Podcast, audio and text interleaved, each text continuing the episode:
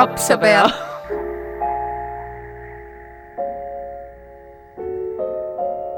tere siis. tere. kapsapea alustab siis oma sügishooaega vist äh, tõe huvides ja kuna tegu on klassikute saatega, siis Tõe ja õiguse huvides me ikkagi ei ole praegu kirjandusfestivalil enam. jah, ja, ja üldse kõik, mis me räägime sügishooajal on tõe huvides ja sina oled Ester, eks ole. tõsi, sina oled Berit. jah kas ütleme ka, miks me uuesti tagasi stuudios oleme? sest me tahtsime nii väga me tahtsime seda saadet teha teist korda, sest et see meeldis meile nii väga.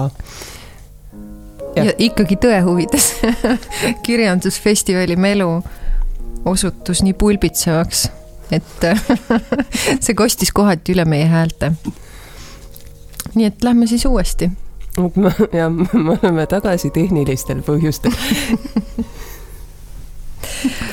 aga siis meie teemast me valisime kirjandusfestivalile väärikalt ikkagi klassikute teema ja meid hakkas väga huvitama, kes on klassikud, kuidas klassikuid defineeritakse?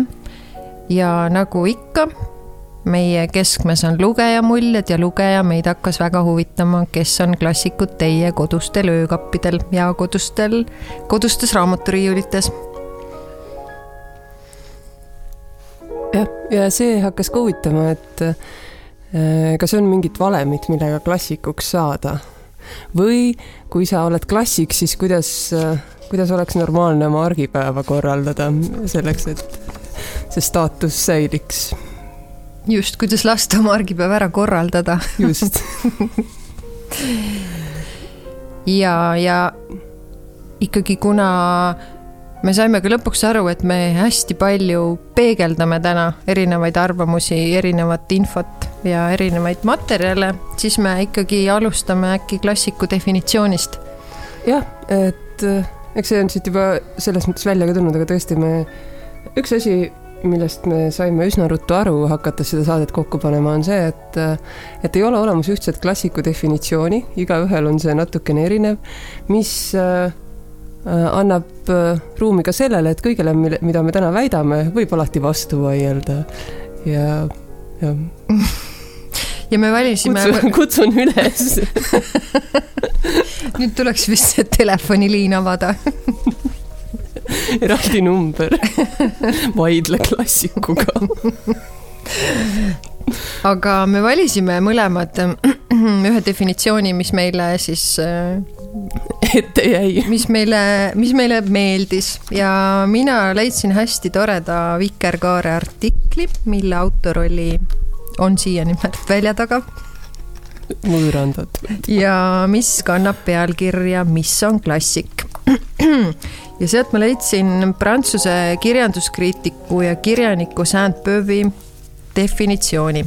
tsiteerin.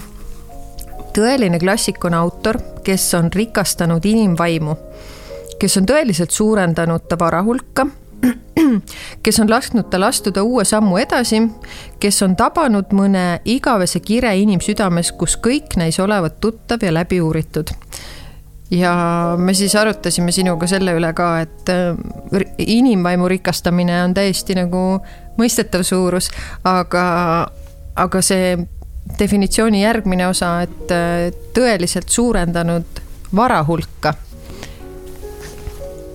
Siin me jäime natuke nagu mõtisklema, et kas on mõeldud vaimseid varasid või ikkagi ka finantsrikkust aga tead, ma praegu mõtlen, et kaudselt võib-olla võib klassika lugem-, lugemine ka ikkagi finantsvarasid suurendada, kuna see ju ikkagi nagu väärtkirjandus lugemine parandab analüüsivõimet ja, ja see omakorda teeb inimese võimekamaks enese realiseerimisel ehk siis võib-olla on see isegi tulemuslikum, kui neid investeerimisõpikuid lugeda. Aga tegelikult võib-olla küll selles mõttes, et ma ei tea, peaks proovima peaks proovima ilukirjandust lugeda. proovi, ma soovitan aga mis sina seal leidsid? välja taga artiklis ah,, ei, oli lihtsalt sina, aga ma loen selle lihtsalt ise. ja, loe, loe. sest et mulle, mulle meeldis see, et mm, tead, et selles samas artiklis oli see öeldud, aga teisalt võib klassika tähendada ka lihtsalt koolides õpetatavat ja loetavat. Ja, ja nii mitmedki siis kooliõpilased on omal ajal esmakordselt tutvunud siis klassiku sõnaga läbi pildimapi Eesti klassikud, eh, mis sisaldas Kreutzwaldi, Jakobsoni, Koidula, Bornhöhe, Liivi, Vilde ja Tammsaare portreesid ja hilisemadki kokkupuuted toimusid peamiselt näopiltide kaudu, mis kinnistas aimust, nagu oleks klassik see, kelle pilt ripub klassitoa seinal. Vastab tõele? vastab tõele, jah. Me saime sellele kinnitust. Et selline, vot jah, selline huvitav, huvitav seos, aga mm, ja, ja see, see mõte ka, mis, mis vahepeal selle saate kokkupanemisel vist läbi käis, et kuskil, kuskil seal märkmetes ma seda nägin, et et on teoseid, kes või, või autoreid siis, kelle looming valgustab, aga ei soojenda ja klassik peaks siis olema see, kes nii valgustab kui ka soojendab mm. -hmm. et ta annab sulle uusi ideid, aga samas äh, ta annab ka su nagu tundetasandile midagi juurde või jätab mingi, jätab mingi suure tunde sinusse, et see on see võib-olla ka see, äh, selles esimeses definitsioonis äh, tabada mõni igavene kirg inimsüdames, kus kõik tundus juba läbi uuritud. et jah, see mõte jäi ka kaasa. aga sa leidsid veel lahedaid? leidsin jah meie.... noh, lase no, tulla. lase pane pill hüüdma, mina räägin klassikust. et jah, mina vaatasin siis äh, Itaalia mm, kirjaniku ja, ja ajakirjaniku ja kirjandusteadlase Italo Calvino äh, mõtteid lugesin ja temal on tegelikult ilmunud ka selline teos või noh, essee, et miks lugeda klassikuid ja eesti keelde seda vist ei ole tõlgitud, võin ka eksida, võib vaielda, aga inglise keeles on see küll olemas väga, väga pilgusõbralikus Penguin Classics sarjas. aga Calvino siis mm, ütleb näiteks seda, et noh, siin muidugi need, ta tõi välja neid tunnuseid, vist oli üksteist või kaksteist, ma mm -hmm. tegin natuke lühemaks seda nimekirja ja eks palju on sellist, mida, mida me kõik juba aimamisi teame, aga, aga mõned asjad olid natuke üllatuslikud ka. et et, äh, et esimene klassiku tunnus ah,, ja see asi ka veel, et, et ta siis klassikuna käsitleb äh, kirjandusteost, mitte autorit mm. -hmm. et kirjandusteos kui klassik, et igal juhul, et äh, klassikud või klassika on siis need raamatud, mille kohta inimesed tavaliselt ütlevad, et ma loen seda üle, nad ei ütle kunagi, et ma loen seda. sest et klassikat justkui me peaksime algusest peale juba, sünnist peale kõik teadma. Ja häbi on öelda, kui sa seda äh, seda lugenud ei ole, teisalt jällegi eks palju vastab, tihti see vastab tõele ka, et klassikuid loetaksegi üle ja nüüd me peaks kuulama üle kõik oma eelmised saated ja tuvastama need lugejamuljed, kus räägitakse, et loen üha uuesti ja uuesti. et äkki me leiame hulgaliselt klassikuid sealt mis sa arvad? et mida, mida pi-, seda kindlasti ka, aga see, et, et mida suuremad on su nagu süümepiinad, sellepärast et sa seda lugenud ei ole, seda rohkem sa nagu lisad, et üha uuesti ja Tõsi, uuesti loen üle. tegema uue analüüsi nüüd eelmisele hooajale paneme siis praegu stoppi ja lähme teeme ära selle analüüsi, muidu meil on puudulik info. aga mm, siis äh, näiteks veel, et mm, et jah, ja selle üle, sama ülelugemise kohta, et klassik on siis kirjandusteos, mis ülelugemisel, kui sa seda päriselt tõesti teed, siis ta pakubki sulle vähemalt, vähemalt sama suurt naudingut kui, kui esmakordsel lugemisel.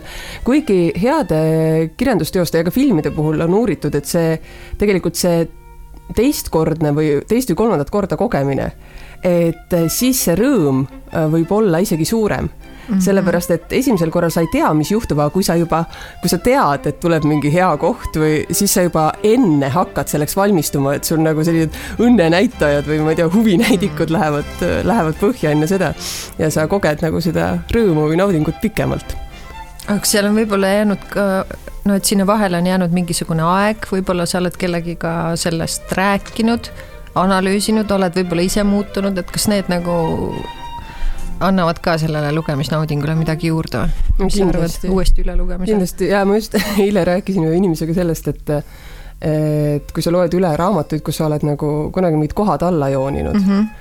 ja, ja siis loed seda kümme aastat hiljem, siis on nagu noh, selline äh, nalja ja noh, ühesõnaga kohati, kohati võib olla nagu piinlik ka, aga mm -hmm. siis mhm. samas selle pealt saadki aru, et sa oled arenenud et enam see ei ole mulle uus info. või oled alla jooninud ja vaatad uuesti, et issand jumal, et just seda vaatadki. aga mm, mis siis veel, et aa, et klassikud on need raamatud, äh, mille puhul võib selguda ka see, et, et tegelikult kuigi neist palju räägitakse, siis lugemisel nad on alati põnevamad kui kuuldu põhjal. Et noh, klassikutega tihti ju käib ka ikkagi see peab lugema taak kaasas noh, nagu ka siin me oleme korduvalt rääkinud. ja see tekitab võib-olla mingi tõrke ja kui sa päriselt annad selle tekstile võimaluse, siis ta ikkagi inimesi võib üllatada positiivselt. et, et mõistad seda põhjust, miks, miks võiks seda teksti teada. aga äh, jah, ja siis ta on välja toonud ka veel selle sinu klassiku või selle oma klassiku mõõtme, et, et kuigi noh, on erinevaid tunnuseid, mille põhjal on ikka jälle proovitud defineerida siis klassikuid kõigi inimeste jaoks, siis tegelikult igal inimesel on õigus oma klassikutele ehk siis raamatutele või, või kirjanikele, kes siis võib-olla suuremat tuntust pole pälvinud, aga sinu enda eluloos on, on neil tähtis koht ma olen sellega hästi nõus, igal inimesel on õigus oma klassikule ja samas igal inimesel on ka õigus äh, mitte mõista, miks mõni inimene on klassik. äkki ka nii või? jaa. Või no mis selle vastu ei saa vist midagi teha. See on õigus jah, ei saa jah, aitäh. aga me arutasime seda ka sinuga, et, et just seesama, et see vaade klassikule sõltub hästi palju sellest, et ähm, kes on olnud sinu õpetajad, kes on äh, võib-olla täna sinu lähikondsed, sinu olulised sõbrad. Ähm, et see on päris palju mõjutatav äkki. Ja leidsime ajaloost siis ühe toreda näite kuidas äh, Douglas pani rõuged Vilde vastu konkreetsele seltskonnale. kujuta pilti kujuta pilti, skandaal ja meenutab siis äh, Eesti graafik ja maalikunstnik äh, Märt Laarmann järgmist. Douglas pani meile rõuged Vilde vastu. mina isiklikult teadsin sest ajast selgesti, et Vilde ei ole mingi kunstiväärtuslik kirjanik Tuglase evangeelium ja ta viitab siis äh, Noor Eesti kolmandale albumile, kus äh, Tuglas analüüsis Vildet. et äh, see võttis siis kauaks ajaks vajaduse Vildet lugeda uurivalt ja juurdlevalt, nõnda kuidas tegelikult on vaja lugeda. sest on ju selge, et teosel ei või olla kunstiväärtust, kui ta üks peatükk on seitsekümmend kolm ja teine viis lehekülge pikk. ja kui kord jõudsime iseseisva mõtlemise radadele, siis Vilde oligi vahepeal muutunud klassikuks ja taustaks siis äh, siia, et äh, Vilde ja Douglas olid siis üksteise teravad kriitikud, ma ei teagi, kas Douglas Vilde oma niipidi rohkem ja pidasid siis vägagi midagi sellist, mida tollel ajal kutsuti kirjasõjaks. ja jah, Douglas siis kutsus Vildet igaveseks turistiks ja Euroopas ringi aelajaks, kes ilma sihita ja mõtteta ühe juhtumiste jutu teise järel valmis kirjutas. ja eks neid solvanguid tuli veelgi, aga siiski äh, lõpplahendus oli meeldivam, et äh, härrased siis lähenesid üksteisele vaikselt ja leidsid äh, ikkagi ka sõbralikke noote siis oma suhtluses jaa, no siit, esiteks muidugi see, et igavene turist ja Euroopas ringi aelaja, et selles mõttes, et ma arvan, et ikka tohutult, esiteks nagu noh, ma mõtlen lihtsalt, et mis olid need ootused siis kirjandusele äh, toona ka, et, et noh, täna, tänapäeval selline easy reading reisikirjandus on ju noh, hästi tavaline ja levinud nähtus mm. -hmm.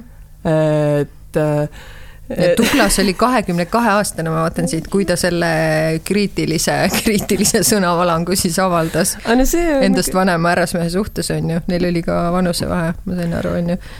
jaa, aga noh, see, see pigem nagu toetab seda, et sellises, sellises vanuses ongi tõde sinu käes tunne on vähemalt selline. Ja, ja see, et, mm, et see seitsekümmend kolm ja, ja viis lehekülge vastavalt erinevad peatükid, et see on tore näide ja samas see pani mind mõtlema selle peale ka, et mis tegelikult veel üks, üks klassikute omadus ju on, et noh, ma ei tea, kas kõigi puhul, aga, aga siiski, äh, et klassik on tavaliselt see, kes on toonud ikkagi kirjandusse või, või noh, oma valdkonda midagi uut mm, -hmm. sellel hetkel midagi uut. ja et, et klassik on omas ajas tavaliselt mässaja või vähemalt mingil moel, et ta proovib, ta katsetab mingeid piire. et äh, jah, ja siis, siis ta muidugi noh, võetakse omaks ja siis ongi nagu kummaline mõelda, et et kuidas klassika võib jah, järgmisel hetkel tunduda igav mm. -hmm. nii, aga äkki väike lugeja mulje või? jah, ma võtan lugeja mulje number üks. nummerdasime ära seekord. Kross, Luts, Tammsaare, Kivirähk ja muidugi Kailit. kõiki armastan, on olnud perioode, kui ei armasta Tammsaarelt kusagil nõukaaja lõpupoole keskkoolis lugeda tundus igav ja kohati kuiv ja morbiidne. Versus Krossi Vikmani poisid, aga eks ma olin siis noor ja loll. kõiki neid mehi ja sulgudes ja natuke hirmus on, et nad ongi kõik mehed, ühendab miski jumalik särts ja oskus eluga tantsida just neile omasel viisil. kes tiba kuivemalt, kes suurema tulevärgiga, aga nad kõik on staarid ja klassikud täna, homme ja kahesaja aasta pärast, selles olen kindel vot siit lugeja muljest ma tõstaksin esile võib-olla siis ühe äh, lisadefinitsiooni, mis võiks klassiku juurde käia, on siis see jumalik särts ja oskus eluga tantsida just neile omasel viisil.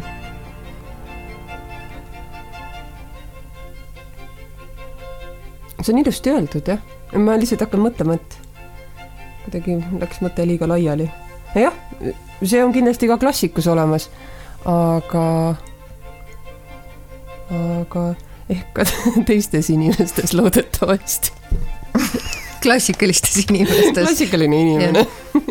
Oma jumaliku särtsuga no aga sa võta siis lugeja mulje number kaks.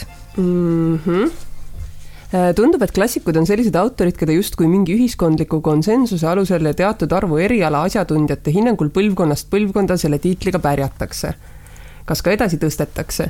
muuseas, omamoodi huvitav on hoopis see, miks ühe või teise autori tekstid saavad ühe või teise kultuuri raames tüvitekstideks äh, aga ise ma küll ühtegi autorit klassikuks tituleerida ei oska. oskan ainult öelda, milliseid autoreid ma armastan ja milliseid autoreid ma ka armastan. jah, neid teisi, keda alles teises järjekorras armastan, armastan ka. Nad lihtsalt ei ole minu tassike teed. aga ju siis tahaks, et klassiku tiitli pärivad need, kes meid paremaks muudavad et see on väga heldesti öeldud, mina küll lugejana nii helde ei ole. või noh, selles mõttes, et. selles osas, et ei, lihtsalt ei ole sinu tassike teed. ja, jah, ja nagu ma ei isegi ei ole, siis ei ole, keegi ei ole süüdi, kõik on õnnelikud, aga, aga ei, aga lihtsalt, et see, et neid, keda ma ei armasta, neid ma armastan eks eks ongi heldemaid inimesi. eks ongi, jah, selles mõttes küll. luge raamatute osas kindlasti aga äh, üks mõte veel ähm,. Läks ära, mine edasi. tahtsid rääkida rahvakirjanikest äkki ähm,? aa, tüvitekstidest mm. -hmm aga mida ma tahtsin öelda? Ah,, tahtsin öelda seda jällegi selle Calvino nimekirjast. Meenus veel see, et, et klassika on tavaliselt äh, ka siis seda tüüpi noh, kunsti või kirjandusteos, mis äh, mõjub meie alateadvusele. Ja ma arvan, et kas siis isiklikule või kollektiivsele alateadvusele. Ja ma arvan, et sealt hakkab ka juba see tüvitekstide värk nagu mm -hmm. omakorda edasi arenema, et, et kõnetab suuri hulka inimesi mingisuguse jah, ma ei tea arhetüübi alusel, jah. aga rahvakirjanikud? rahvakirjanikud äh, ikkagi eesti keel ja definitsioonid ja alati on meile abiks ka EKI ja leidsime hästi toredad definitsioonid. vaatasime siis kahte, rahvakirjanik versus klassik. ma võtan selle rahvakirjaniku. nii, tsiteerin EKIt. Äh, rahvakirjanik on rahvalähedane, oma rahvusliku loominguga rahva poolt kõrgelt hinnatud kirjanik ja näited, nagu ikka EKI puhul. Anton Hansen Tammsaare, Eduard Vilde, August Kitzberg on oma loominguga tõelised rahvakirjanikud. hästi mm -hmm. selge, eks ju? hästi selge ja, ja siis samas seal, äh, seal kõrval klassiku definitsioon et klassik on üldtunnustanud, üldtunnustatud kirjanik, kunstnik, teadlane või muu vaimukultuuri ala esindaja, kelle looming on põhjapanev ning aegumatu. Puškin ja Lermontov on vene kirjanduse klassikud. et meie oleme ikkagi siiski rohkem nagu rahvakirjanike maalt pärit. jah jah, rahvalähedased Jah. maalähedased. suur kirjandus on lähedal.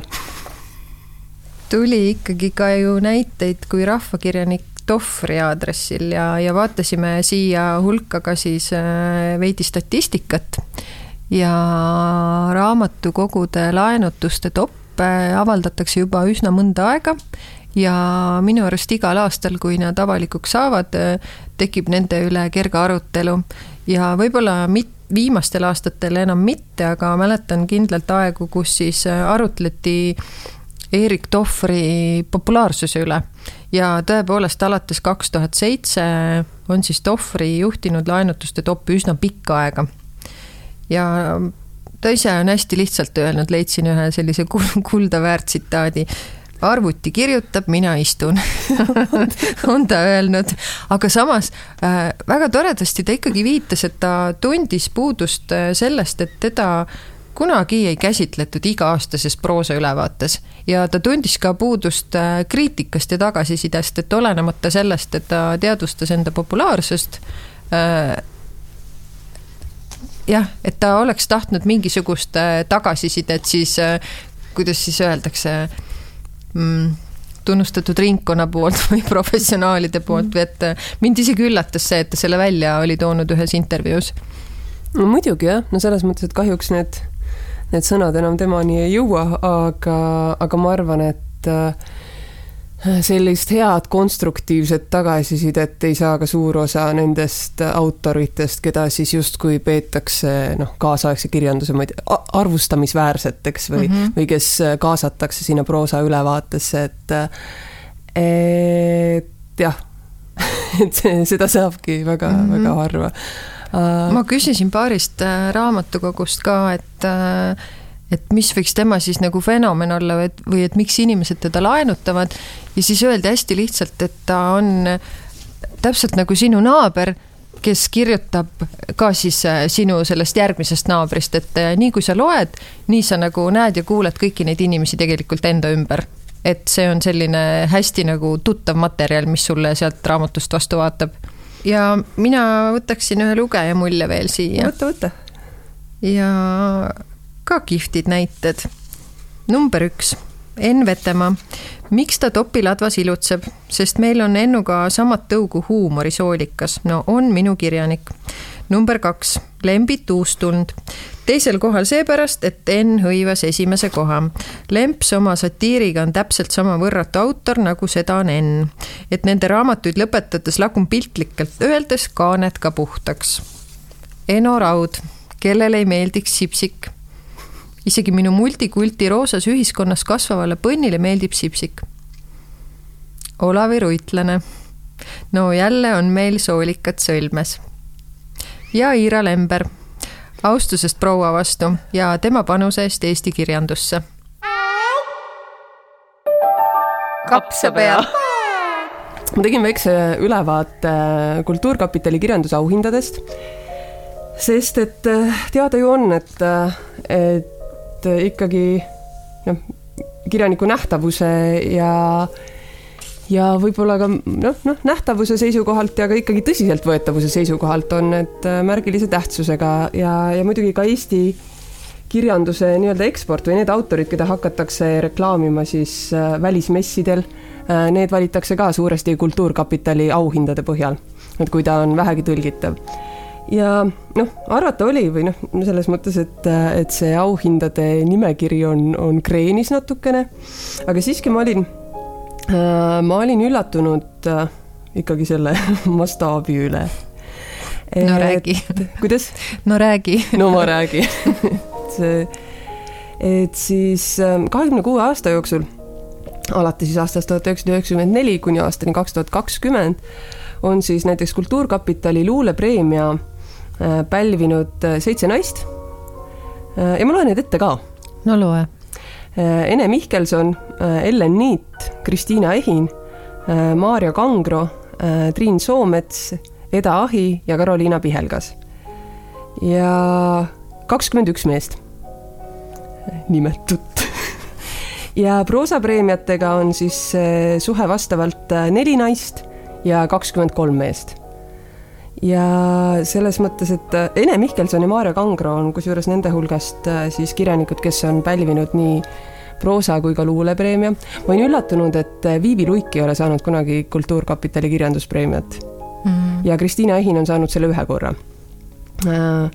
ja noh, üks tend-, mingi aeg anti välja näiteks mitu preemiat ühel aastal, näiteks mitu luulepreemiat või mitu proosapreemiat aga panin tähele ka seda tendentsi, et mitmel korral oli saanud äh, autor siis preemia äh, aastal, mil tal oli ilmunud mitu raamatut.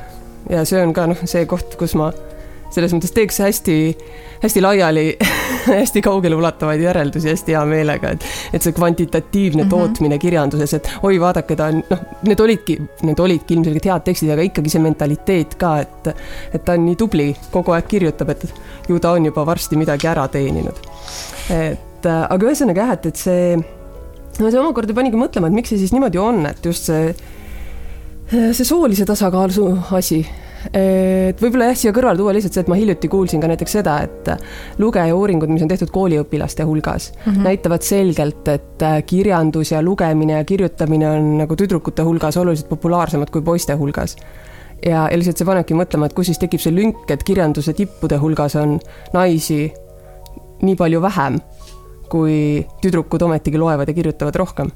või noh, parema meelega või see on, nimetavad seda rohkem oma huvialana jah, kas sa Virginia Woolfi Oma tuba oled lugenud? jah, ikka mm. -hmm. et neil ei ole seda tuba just äh,, nüüd ma ütlen klassikalise lause, lugesin üle lugesin üle ja leidsin hästi toreda, toredad viited, et äh, ma ei tea, kas räägime lühidalt sellest? räägime, jah mm. -hmm. et äh, see on siis äh, tehtud tema loengute põhjal, mille ta pidas tuhat üheksasada kakskümmend ja sobivalt oligi siis pealkiri Naised ilukirjanduses. ja tema siis jõudis selleni, et selleks, et naine saaks kirjutada luulet või proosat, vajab ta umbes viiesaja naelast sissetulekut aastas, see oli viide, et ta oli saanud päranduse, oma tuba, mille ukse siis mida on võimalik äh, lukku keerata, ehk siis, et keegi ei segaks teda, eks ju. et see oma toa äh, siis nagu mõiste tuli sealt ja siis oli hästi ilus lause, ma loen selle ette. kõik need sajandid on naised olnud peeglid, millel on meeldiv võlujõud peegeldada meest elu suurusest kaks korda suuremaks see, see oli minu arust ilus, et võib-olla see meeldiv võlujõud peegeldada mehi suuremaks äh, andiski, andiski neile nagu mitte ainult võimaluse, vaid ka uskumuse, et nad võivad luua, eks ju. ja peegel ise siis ei, ei saanud kirjutada samal hetkel midagi sellist ja,. jah, jah, või noh, jah, selle juurde taga, jah. et äh, ma mõtlesin ka korra selle peale, et, et äh, noh, võib-olla neid nüansse siis täna kaugemale ei läheks, aga lihtsalt see, et, et kas me nagu, et kas tüdrukuid kasvatatakse, kasvatatakse pigem auditooriumiks kui artistiks või noh, selles mõttes, et kui mõtlejaks, et oma mõtetega nagu, et, et noh, et sinu mõte võib ka olla kuulda või et.... tahaks uskuda, et see ei ole täna nii, aga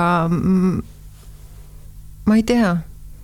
loodame, et see ei ole täna nii, et tänane noor lugeja mõtleb teisiti. just. Jah ja, jah, jah, võib-olla tuleb, okei okay,, lähme edasi. no me peame noorte lugejatega hakkama kohtuma, eks ju, et aru saada, kuidas nad mõtlevad. aga me eh, kohtusime paberi vahendusel ka noorte lugejatega ja uurisime siis eh, neljanda klassi õpilaste seast, et eh, kes on siis nende lemmikud, me ei küsinud, et kes on klassikud, aga küsisime, et kes on need autorid, keda nad armastavad.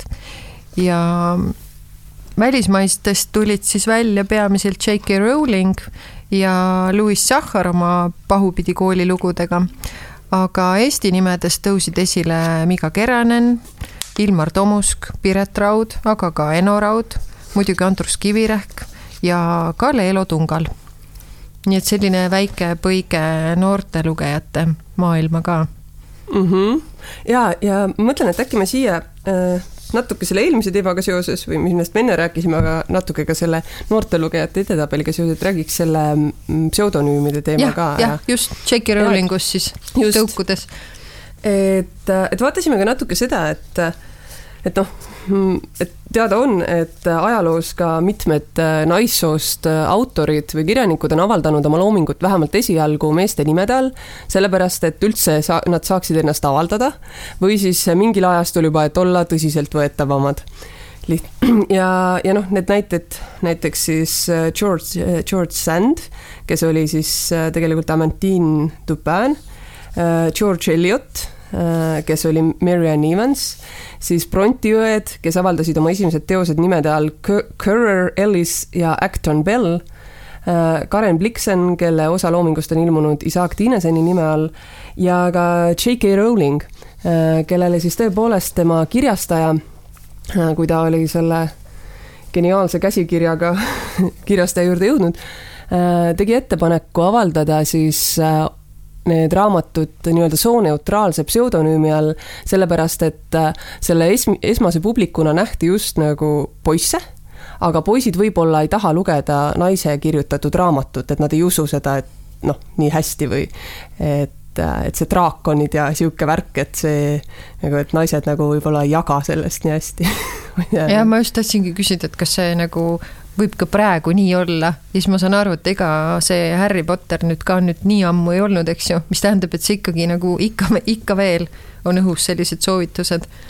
no ikka jah, samas noh, eks näiteks noh mm, noh, filmitööstus, näiteks Disney ju praegu ja üldse nagu animatsioonistuudiod, et hästi palju tehakse kas neid muinasjutte ümber või siis uusi kangelaslugusid ju, kus on nagu keskmes on just või peategelane on selline seiklushimuline tüdruk, kes ma ei tea, mhm. võitleb lohedega või, või reisib maailma lõppu ja nii edasi, et et noh, eks, eks sellel hoitakse nagu silma, silma peal, aga mm.. kuule, aga liigume edasi, Selli, me oleme põgusalt äh, rääkinud siin mõnes oma saates äh, sellest Bartleby sündroomist. Ehk siis märksõnadest ma pigem ei kirjuta või ma parem ei kirjuta, ma parem ei tee ja nii edasi. aga mm, just selle nurga alt siis, et on äh, klassikuid, kes on pärast ühte teost vakatanud või siis on klassikud, kes on üksteist vakatanud. ja, ja on ka klassikuid, kes on vakatanud sellepärast, et nad ennast surematuks peavad. ja leidsin siis toreda näite LR-is ilmunud Villamata Bartleby and Co's, kus siis oli eluline viide Guy de Maupassant'i kohta ja tema näiteks siis ähm, oli juba ennast tõestanud kirjanik ja ta pidas ennast äh, geniaalseks ja ka surematuks. ja, ja sellele, et ta ennast surematuks peab, andsid siis äh, alust ka teatud tegevused, mis ta tegi, et ähm, näiteks ta tulistas ennast korduvalt, aga ta ei teadnud, et see oli tühi padrunipide ja ta arvas, et oma geniaalsuses jäi ta ellu. Äh, siis ta pussitas ennast korduvalt. Äh, sellega tal ei läinud enam nii hästi, äh, pärast mida ta läks hulluks ja lõpetaks, lõpetas siis igaveseks kirjutamise. alles pärast enda tulistamist ja pussitamist läks hulluks? jah, pärast seda nii oli siis oli näide näiteks Kafkast. Äh, Kafka oli siis see, kes vakatas teiste mõjul ja Kafka on meenutanud oma päevikutes ühte pühapäeva, mil teda haarab Goethe tõttu totaalne suutmatus kirjutada ning ta veedab päeva Bartleby sündroomi küüsis omaenda sõrmi vahtides. ja ta ütleb siis nii, mind täielikult valdav õhin, millega ma loen Goethe kohta kirjutatud ja mis hoiab mind igasugusest kirjutamisest tagasi aga ka näiteks Tolstoi, kes hakkas oma elu lõpupäevadel nägema kirjanduses needust ning äh, sellest sai tema raevuka vihkamise objekt. ja seejärel ta loobuski kirjutamisest, küll kõrges vanuses, öeldes, et äh, tema moraalses lüüasaamises ongi peamiselt süüdi kirjutamine mm. -hmm. see, praegu hakkasin mõtlema, kas Tolstoi oli see, kes nagu elu lõpus ta vana mehena, ta, ta jättis oma mingi naise ja kaheksa last maha ja läks kuskile mingi paljajalu kuskile raudteejaama talvel ja. just, ja, ja, ja, ja, ja, nii oli. et aga ta jah ja samas ta oli ju hästi sügavalt usklik, eks ole mm -hmm.. ja, jah, et. Äh, ma räägin nagu ma tunneks teda ja, jah, nii oli, täpselt. mina, mina räägin ka, et, et me kunagi olime ühes seltskonnas, aga nüüd ei, ei ole mõnda aega suhelnud. aga see Kafka, Kafka äng, et mind täielikult valdav õhin, et, et millega ma loen Äh, Goethe kohta kirjutatud ja mis hoiab mind igasugusest kirjutamisest tagasi. et see on nagu tänapäeval inimestel mingi sotsiaalmeedia äng või sellel ajal, kui sa ise tahad kirjutada, miks sa peaks lugema nagu kellegi teise kohta kirjutatud arvustusi samal ajal? see on väga ohtlik nagu selline asendustegevus. ja, ja vaata, ta isegi ei ütle, et ta loeb Goethet vaid et ta, ta loeb Goethe kohta kirjutatud, eks ju mm, -hmm. et keegi on loonud mingisuguse asja, mis nüüd teda on nii kohutavalt nagu mõjutanud siis, eks ju. seda, et mina ei saa kunagi nii head arvustust ja siis ma ei kirjutagi enam valest, jah, keskendub valele asjale. peaks talle ütlema mm. kui sa näed järgmine kord, siis ütle. aga mis me nüüd äh,, millest me nüüd räägime? kas äh, võtame lugejamuljed ja siis ähm.... võtame klassikute argipäevad. no võtame. no võtame. ja võtame võtame viite ka, kust pärinevad äh, klassikute argipäeva detailid peamiselt, küll ka mujalt, aga Mart Laar on kirjutanud väga kihvti raamatu nimega Eesti suured armastuslood. ja klassikute argipäeva osas me siis ähm, leidsime erinevaid detaile, kuidas ähm,, mille kohta siis? Kuidas klassikute elu on kas kergendatud või raskendatud või millised nad üldse olid? jah ma praegu no. tühja pilguga vaatan sulle otsa. ma lihtsalt, äh, okei okay,, ma mõtlen see Marianne Jungi näide. räägime temast ka veel, jah. vaatame, äkki põimub kuidagi loomulikult mm -hmm. siia sisse. no mm, ma siis aga... Ähm, lähen äkki Tuglase, kuna Tuglasest juba juttu oli, eks ju. sada üks nõuannet, kui kodus on klassik kui kodus on Tuglas kui Tuglas on kodus. viide siis Tuglase abikaasa Elo Tuglasele Äh, Elo vabastas abikaasa materiaalsetest sekeldustest, võttes enda peale kogu majapidamise ja kõik elukondlikud pisiasjad, et abikaasa saaks täielikult loomingule pühendada. iseseisvas Eestis jõudiski Douglas kirjanikuna tippvormi. Asutati Kirjanike Liit, Looming, ettevõtmiste laiahaardelisus oli Douglasel võimalik aga üksnes seetõttu, et naine oli ta täielikult argimuredest vabastanud Tuglase kõrval ei tulnud aga kirjanduslike ambitsioonide realiseerimine kõne alla. Elo elas end välja teravapilgulises päevaraamatus, kus võis vahel olla ka klatšimaias ja teravalt õel, mida ta päriselus kunagi polnud. vot nii mm. -hmm. Aga siia vastukaaluks leidsin ka teistsuguse suhte. Äh, Maria Underi ja Artur Atsoni ja viide siis Adsonile. Adson proovis kätt teatrialal ja lõi läbi kriitikuna, edenedes ühtlasi ametiredelil. Temast sai filmitsensor. Adsoni peamine ülesanne oli Eesti esipoetessi õnnelikuks tegemine, tema vabastamine kõigist argimuredest. sellega sai Adson suurepäraselt hakkama. Undar ja Anne lõi Adsoni hoolitsusel särama, just nii nagu Douglas tõusis oma naise toel Eesti kirjanduselu etteotsa. no siis ei olnudki nii teistsugune suhe. on nii ja on naa oli klassik ja üks, kes klassikut toetas. et klassik on ikkagi selline, mm, selline olend, kes vajab siis oma argipäevas hästi palju abi. mõistmist, tuge. mõistmist, tuge, äh, olmeasjade äh, korraldamist. et võib-olla ongi see, et ma arvan, et kui kõigil inimestel oleks võimalik äh, võtta endale koduabiline, et võib-olla siis tuleks uus klassikuid juurde, nii mis. Minna oma tuppa, mis käib lukku. just, et kui kõigil oleks võimalus minna oma tuppa, mis käib lukku siis, kui nad soovivad.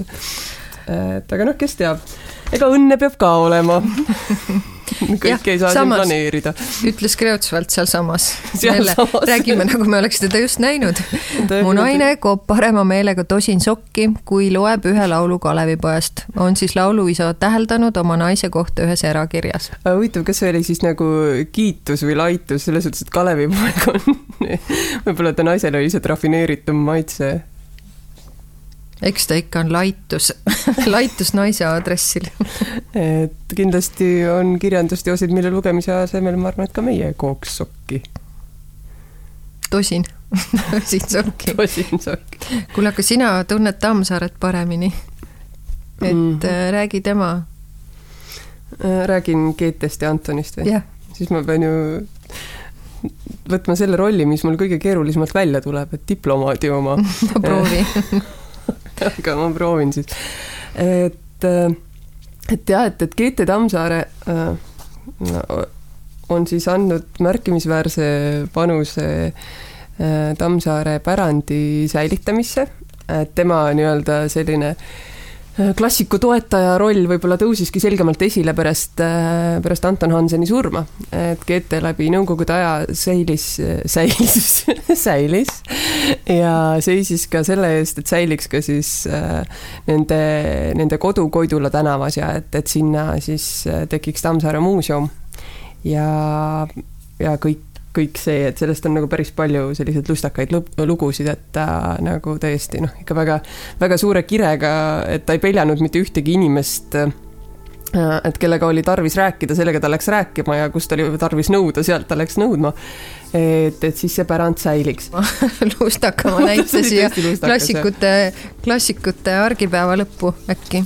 Äh, Oskar Luts ja viide siis äh, läbi tema abikaasa kellest äh, hiljem sai ka tema pärandi siis, ma ei tea, kas, kas pärandi eest võitleja, vaid pigem nagu pärandi kaitse ja säilitaja. ja on siis järgmine tsitaat. mesinädalate ajal tundus Valentina Lutsule, et ta on abiellunud hulluga. ta olla hommikul ärgates leidnud mehe voodi äärel istumas, midagi kirjutamas ja homeeriliselt naermas. sündis suvi aga, ja siis oligi viide, et Luts oligi edukas ja viljakas, äh, leebelt ühiskonnakriitiline, eelistaski sellist lihtsat seltskonda ja kirjutas oma vesteid üles äh, pigem kõrtsides kui kusagil peenes seltskonnas ja vanus ei teinud teda sugugi tõsisemaks. Vot nii. See on tõesti väga hea näide, ma mõtlen, esiteks see asi, et inimene niimoodi südamest oma nalja peale võib naerda, nagu, et see on ju, selles on ka midagi toredat ja, ja see, et, et kui sa ärkad selle peale, et keegi juba südamest naerab, et homeeriliselt. homeeriliselt, et umbes sina veel magad, aga nali on juba alanud. Tõotab tulla tore päev. Naljakas päev. Nii naljakas päev. jah. aga äh, mida, mida siis veel? mina tahaks ühe lugeja mulje no, lugeda, mis mulle loe, väga meeldib. jaa, äh, mõtisklen, et klassikuks kuulutamiseks peaks autoril või teosel olema teatud laiem kandepind, suurem auditoorium. kui tahaks klassika mõiste muuta enesekohasemaks või tänapäevasemaks, siis võiks pakkuda, et kui autori või teose tsitaat on sedavõrd tuntud, et seltskonnas või lõimes seda mainides on enam-vähem aru saada, mida sa mõtled, siis võikski klassiku tiitli kätte anda. veel parem, kui tsitaat töötaks ka meemina selles mõttes on keeruline isiklikku klassikat pakkuda, lihtsalt laiem kandepind on puudu. kordade arv, mitu korda teost on loetud, annab justkui pigem diagnoosi lugejale. ja mulle see diagnoos lugejale väga meeldis siit, et et me tihti arvame, et me diagnoosime autoreid, aga võib-olla me tegelikult diagnoosimegi nagu iseennast palju rohkem läbi selle mm. -hmm. no see raamat kui peegel, et, et sellest on ju see, see kujundamist ka käib nüüd, et see ja, ja noh, see tõesti, et ma nüüd vaatasin jälle, mis raamat see ka oli, aga tellisin hiljuti äh, ühest antikvariaadist äh, raamatu, äh, mille vahele oli siis pandud selline noh, reklaamiga järjehoidja. Ja muuhulgas oli sinna peale kirjutatud siis, et, et kui, kui idioot raamatusse vaatab, ei saagi sealt geenius vastu vaadata või midagi sellist see ei olnud kindlasti ainult sulle pandud, ma loodan. vot ma ise poleks selle peale tulnudki, aga tänan sulle nende lohutussõnade eest. aga, aga selles mõttes, et, mm, et noh, põhimõtteliselt ka see asjaajamise stiil või, või see, et, et noh, et sa nagu välistad selle, et keegi, keegi hiljem saab öelda, et raamat ei sobinud, et juba ütle, no raamatukaupmehe poolt selline lustakas žest igal juhul osav. no vot, oleme vist jõudnud lõppu jah, mina tegin äh, kolm märksõna, mis me oma lugeja muljetest äh, saime teada, et mis teeb siis klassikust klassiku. ja üks on siis see, millele ma juba viitasin, jumalik särts ja oskus eluga tantsida. siis teine oskus või tahe siis muuta inimene läbi oma tekstide paremaks. ja kolmas ikkagi praegusel ajal väga hästi toimiv, et äh, tsitaat siis, äratuntav tsitaat kirjandusteosest peaks töötama meemina mm. -hmm. ja ma siis lõpetan selle Toomas Manni tsitaadiga, et ja. mõte klassikult, mis mulle tundus, äh, tundus haakuvat meie, meie tänase teemaga, aga minu meelest muidu ka hea aeg-ajalt selle üle mõtiskleda, et äh, Marn, Marni Manni arvates äh, siis kirjanik on keegi, kelle jaoks kirjutamine on keerulisem kui teiste jaoks.